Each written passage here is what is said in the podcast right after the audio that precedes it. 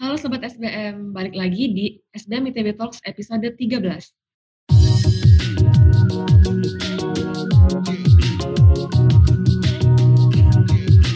Bersama aku, Evita Sony, mahasiswa manajemen 2020, sebagai announcer di episode kali ini. Topik diskusi kita kali ini berjudul Leading Young Generation. Diskusi ini akan membahas mengenai style kepemimpinan generasi muda di era modern ini. Oke teman-teman, sudah bersama kita narasumber kita hari ini. Mereka adalah Ibnu Fikri Ganjar dan Farel Vasco. Mereka ini adalah ketua himpunan dari jurusan manajemen dan juga kewirausahaan SBM ITB. Halo Ibnu, halo Vasco. Halo Evita. Mungkin masing-masing dari kalian bisa ceritain dulu sedikit tentang alasan atau motif pertama kali kenapa mencalonkan diri sebagai ketua himpunan mahasiswa. Yang pertama, untuk alasan pribadi aku pengen kayak ngasah skill aja di bidang leadership. Terus yang kedua kayak pengen mengaktualisasi diri dalam bidang apa pun itu. Terus ya sebenarnya alasan untuk pribadi itu tapi untuk alasan secara keseluruhan adalah yang pertama melihat KMM sendiri masih muda sebenarnya usia KMM masih muda. Jadi masih banyak sekali regulasi sistem dan lain sebagainya yang masih belum baik. Aku dan tim datang untuk memperbaiki sistem yang yang belum baik itu tadi. Masih ada alur yang berantakan ada organogram yang belum belum efektif efisien seperti itu. Jadi datangnya ke situ. Terus yang kedua uh, himpunan KMM sendiri dulu masih belum ideal disebut sebagai himpunan karena apa? Uh, dinamisasi kegiatan dari apa KMM sendiri itu masih belum kelihatan di SBMIT bahkan ada salah satu dosen tuh yang ngomong kalau misal uh, mana nih himpunan gak ada suaranya jadi uh, mungkin bisa dibilang KMM dan IMK tuh jumlah masanya banyak KMM jadi satu banding tiga mungkin dan itu uh, yang bikin aku kayak pengen pengen bikin suatu gebrakan. SBM ITB itu best business school gitu tapi uh, kegiatan kemahasiswanya itu belum ada. Jadi dengan datangnya KMM pengen bikin sesuatu yang emang kegiatan kemahasiswanya itu aktif dan diakui gitu. Gak cuma di SBM ITB bahkan di di ITB di Bandung dan di Indonesia seperti itu. Kenalin semuanya, aku Indo sebagai Ketua Himpunan IMK Arta, Ikatan Mahasiswa Kewirausahaan periode 2019-2020. Uh, sebenarnya klise sih teman-teman kembali lagi ke pertama pertama-tama tuh masalah pribadi gitu loh. Aku resah dengan keadaan himpunan aku sendiri gitu loh. Yang ngerasa kok gini ya, kok kurang. Nah, aku dari mulai dari situ aku bawa masalah itu ke bersama gitu loh ke angkatan aku sendiri. Aku kenalin, eh uh, aku ngerasa kayak gini teman-teman. Uh, emang nggak perasaan yang sama? Kalau misalkan emang udah e, merasakan hal yang sama, kita satuin tujuan, kita satuin visi, akhirnya kita kolaborasi gitu sama e, angkatan aku sendiri. Tuh. Oke, uh, menurut kalian nih, leadership itu apa sih dan seberapa penting skill leadership itu untuk dimiliki oleh mahasiswa? Dari aku ya, berarti uh, pertama leadership nih teman. Aku ambil kata leader gitu ya, lead. Uh, leadership itu menurut aku, uh, pertama disclaimer dulu ya, ini uh, dari pendapat aku ya teman-teman. Uh, leadership itu lead people who can lead not direct. Kalau menurut aku itu. Jadi orang yang bisa nge-lead bukan nge-direct. Kalau misalkan nge-direct itu semua orang juga bisa gitu teman. Misalnya nyuruh eh tolong tutupin jendela dong. Gampang itu kan direct gitu ya. Tapi uh, sometimes direct juga dibutuhin gitu loh. Buat put a person on a best seat gitu. Jadi orang atau taruh anggota kepengurusan tuh di posisi yang tepat supaya apa supaya dia bisa improve uh, capabilities dia di situ atau enggak bisa grow gitu loh, mengembangkan diri dia sendiri di uh, keilmuannya dia gitu loh, atau enggak uh, skillsnya dia di daerah situ gitu loh. Misalkan uh, orang yang jago desain ya udah aku taruh di desainan gitu supaya dia itu bisa improve their skills gitu loh. Jadi menurut aku leadership itu people who can lead not direct. Oke, okay, gitu terus sih. mungkin seberapa penting skill leadership itu untuk mahasiswa? Mahasiswa kalau menurut gue pribadi juga mahasiswa sangat sangat perlu untuk punya punya sikap leadership. Soalnya acuan gue juga kayak ini kalau nggak salah ya di di mata kuliah di fungsi manajemen kalau nggak salah ada POAC planning organizing actuating controlling evaluating. Jadi kita tahu dari awal dari dasarnya kita mulai berjalan sampai akhirnya itu kita dapat apa. Sehingga uh, hal itu bisa bisa muter terus jadi kita evaluasi kita bikin planning lagi, evaluasi bikin planning lagi. Menurut gue mahasiswa penting banget. Terus gue juga ingat kata-kata dari salah satu dosen SBM ITB Pak Fatur bahwa uh, mahasiswa tuh leader bagi dirinya sendiri jadi gitu jadi nyangkutnya ke POAC itu tadi jadi uh, kalau mahasiswa udah bisa memanage kalau mahasiswa tuh refleksi dulu dan lain sebagainya kalau dia bisa memperbaiki diri diri sendiri dulu nguatin diri sendiri baru kita bareng-bareng jalan sama apa yang mau kita lakuin sama orang di sekitar kita dan lain sebagainya. Seperti itu sih. Ini pertanyaan penting banget nih. Jadi gimana sih cara kita untuk bisa jadi leader yang baik? Kalau ini ini menurut gue pribadi uh, cara kita yang pertama yang pertama gue selalu memegang teguh kata-kata dari orang tua dari ibu. Itu selalu selalu baik selalu berbuat baik itu yang pertama. Terus yang kedua kita selalu ingin mendengar dan belajar. Uh, kalau di revisi selalu semangat dan bisa menempatkan posisi kita sedang di mana gitu misal uh, kita sebagai ketua tuh gak mungkin memperlihatkan kalau kita tuh sedang sedih atau kita sedang males atau atau kita sedang demot dan lain sebagainya. Soalnya kita pemimpin. Takutnya kalau misal kita demot dan lain sebagainya, kita dilihat sama anak-anak kita jatuhnya malah, ih pemimpin gue aja demot, masa gue nya semangat. Enggak, gue juga ikut demot. Yang selanjutnya people oriented. Jadi jangan mengacu kepada goals, tapi punya goals baik, tapi kita acuan kita untuk mencapai goals itu ke people. Sebenarnya seperti itu sih.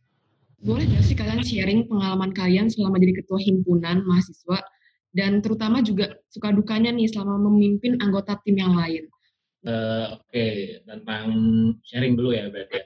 Jujur, uh, aku selama jadi uh, selama menjabat sebagai ketua himpunan tuh pertama uh, excited gitu ya. Jujur, uh, dari SMA tuh sebelumnya aku juga senang gitu loh berorganisasi gitu. Nah dari situ tuh aku ke bawah lagi di mahasiswa gitu tingkatan mahasiswa yang akhirnya ngebawa aku sebagai jabatan ketua gitu loh. Nah uh, senangnya tuh aku banyak kenal sama orang banyak orang lain gitu dan punya uh, yang punya pandangan yang berbeda gitu dan itu uh, orangnya 180 derajat banding terbalik gitu loh dengan aku yang itu tuh justru kayak men-challenge diri aku sendiri senang sekali jadi aku uh, bisa nerima gitu loh teman-teman belajar buat menerima pendapat orang lain yang 180 180 derajat itu berbeda gitu loh sobat Dukanya banyak juga, apalagi dari diri sendiri sih sebenarnya. Aku kurang memanfaatkan waktu gitu yang udah disediakan segini banyak sebenarnya.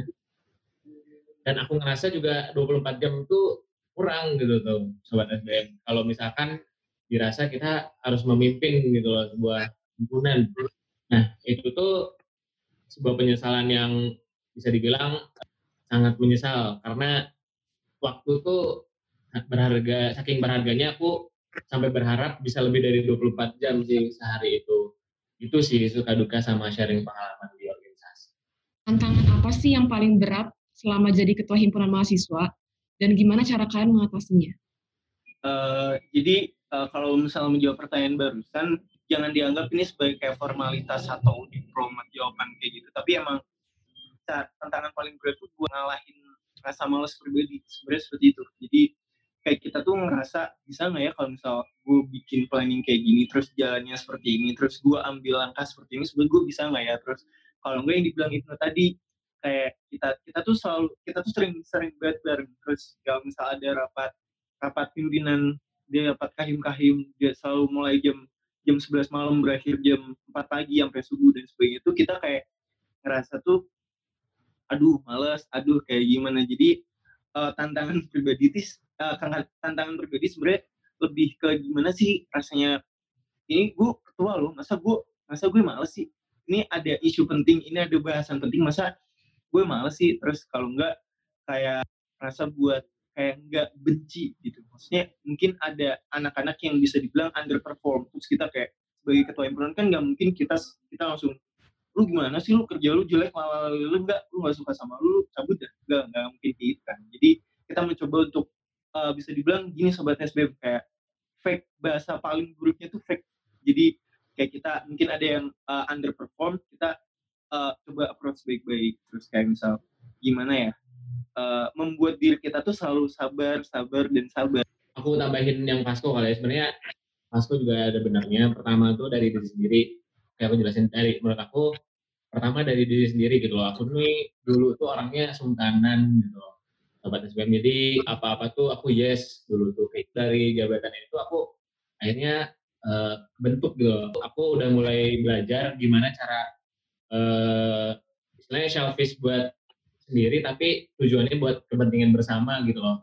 Kalau misalkan aku terus sungkana atau enggak yes man kayak gitu tuh jatuhnya malah capek sendiri itu malah makin jadi masalah kan buat diri sendiri. Nah yang kedua ini aku ngambilnya dari hmm, setiap angkatannya itu kan punya sifatnya masing-masing gitu loh. Maksudnya identiknya kayak masing-masing. Ada yang uh, dia bisa nerima, ada yang dia harus instan, macam-macam lah. Jadi setiap angkatan tuh pasti beda. Nah itu buat challenge buat diri kita juga gitu loh. Cara aku menangani yang pertama mendengarkan, kedua menerima dengan cara menyadari tanpa menilai atau menghakimi, yang ketiga baru tindakan kamu selanjutnya gimana gitu sobat SPSD. Oke, pertanyaan terakhir mungkin generasi milenial dan generasi Z kan cenderung menyukai hal-hal yang bebas dan juga instan nih guys, teman-teman SDM semua. Menurut kalian kecenderungan mereka yang menyukai teknologi dan kecanggihannya, terus juga menyukai hal-hal yang instan ini, itu mempengaruhi nggak sih cara kalian dalam memimpin teman-teman yang lain? Gitu. Kalau gue menggarisbawahi generasi milenial yang lebih ke bebas sih sebenarnya. Jadi gue nangkap kata bebas tuh dia kayak bebas lu mau berkembang seperti apa di kemajuan teknologi ini. Jadi dengan majunya teknologi banyak teman-teman juga yang makin kreatif, makin kritis, makin apa ya makin peduli secara luas dengan lingkungan sekitar seperti itu. Jadi itu cara gue memimpin tuh uh, dengan dengan kemajuan teknologi dengan kebebasan ini sendiri yang diharapkan oleh generasi milenial ngebuat gue tuh secara langsung kayak uh, setiap gue diskusi dengan teman-teman gue selalu menganggap diri gue tuh sebagai gelas kosong uh, kayak misal gue udah nge di awal ke teman-teman badan pengurus kalau misal lu bebas nih mau ngarahin divisi lo ke mana. Asalkan lu masih tetap dalam koridornya. Seperti itu gue selalu ngomong kayak gitu. Karena juga gue percaya kalau misal ya perkembangan teknologi itulah yang membuat orang tuh jadi kayak gue pengen ngelakuin ini tapi gue nggak pengen effort yang terlalu gede. Jadi gue sangat-sangat membebaskan. Maka dari itu itu membuat cara apa ya cara pendekatan gue cara memimpin gue ke teman-teman tuh jadi apa ya beda beda banget.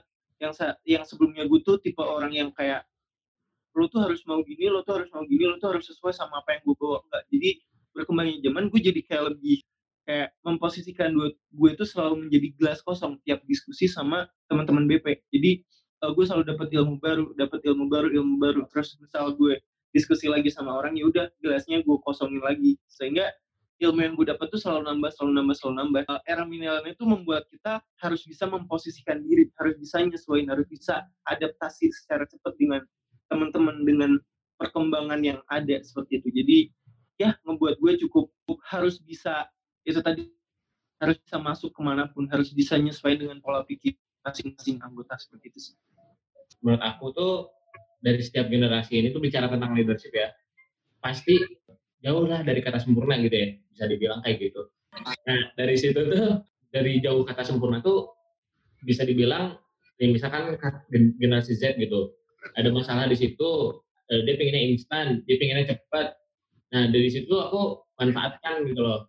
Gimana caranya aku emang ngebuat si organogram keorganisasian ini tuh supaya anak-anaknya tuh nggak sendiri tapi aku lead gitu loh. Kalau misalkan generasi Z ini bukannya menstereotipkan aku tuh juga generasi Z sih. Aku juga ngerasa uh, aku pengen cepat pengen instan pengen semua serba selesai Nah, itu tuh justru jadi kesempatan uh, yang aku yang aku jadikan supaya jadi apa ya, lebihan gitu loh teman-teman. Dari situ aku mulai ngebuat kalau misalkan si himpunan itu harus berguna buat masanya supaya dia tuh bisa berkembang atau enggak nge-improve uh, skillsnya pribadi masing-masing gitu loh. Aku harap sih buat sobat SBM bisa mengerti gitu kalau misalkan cara hal yang hal yang instan itu tuh bagus dan baik juga.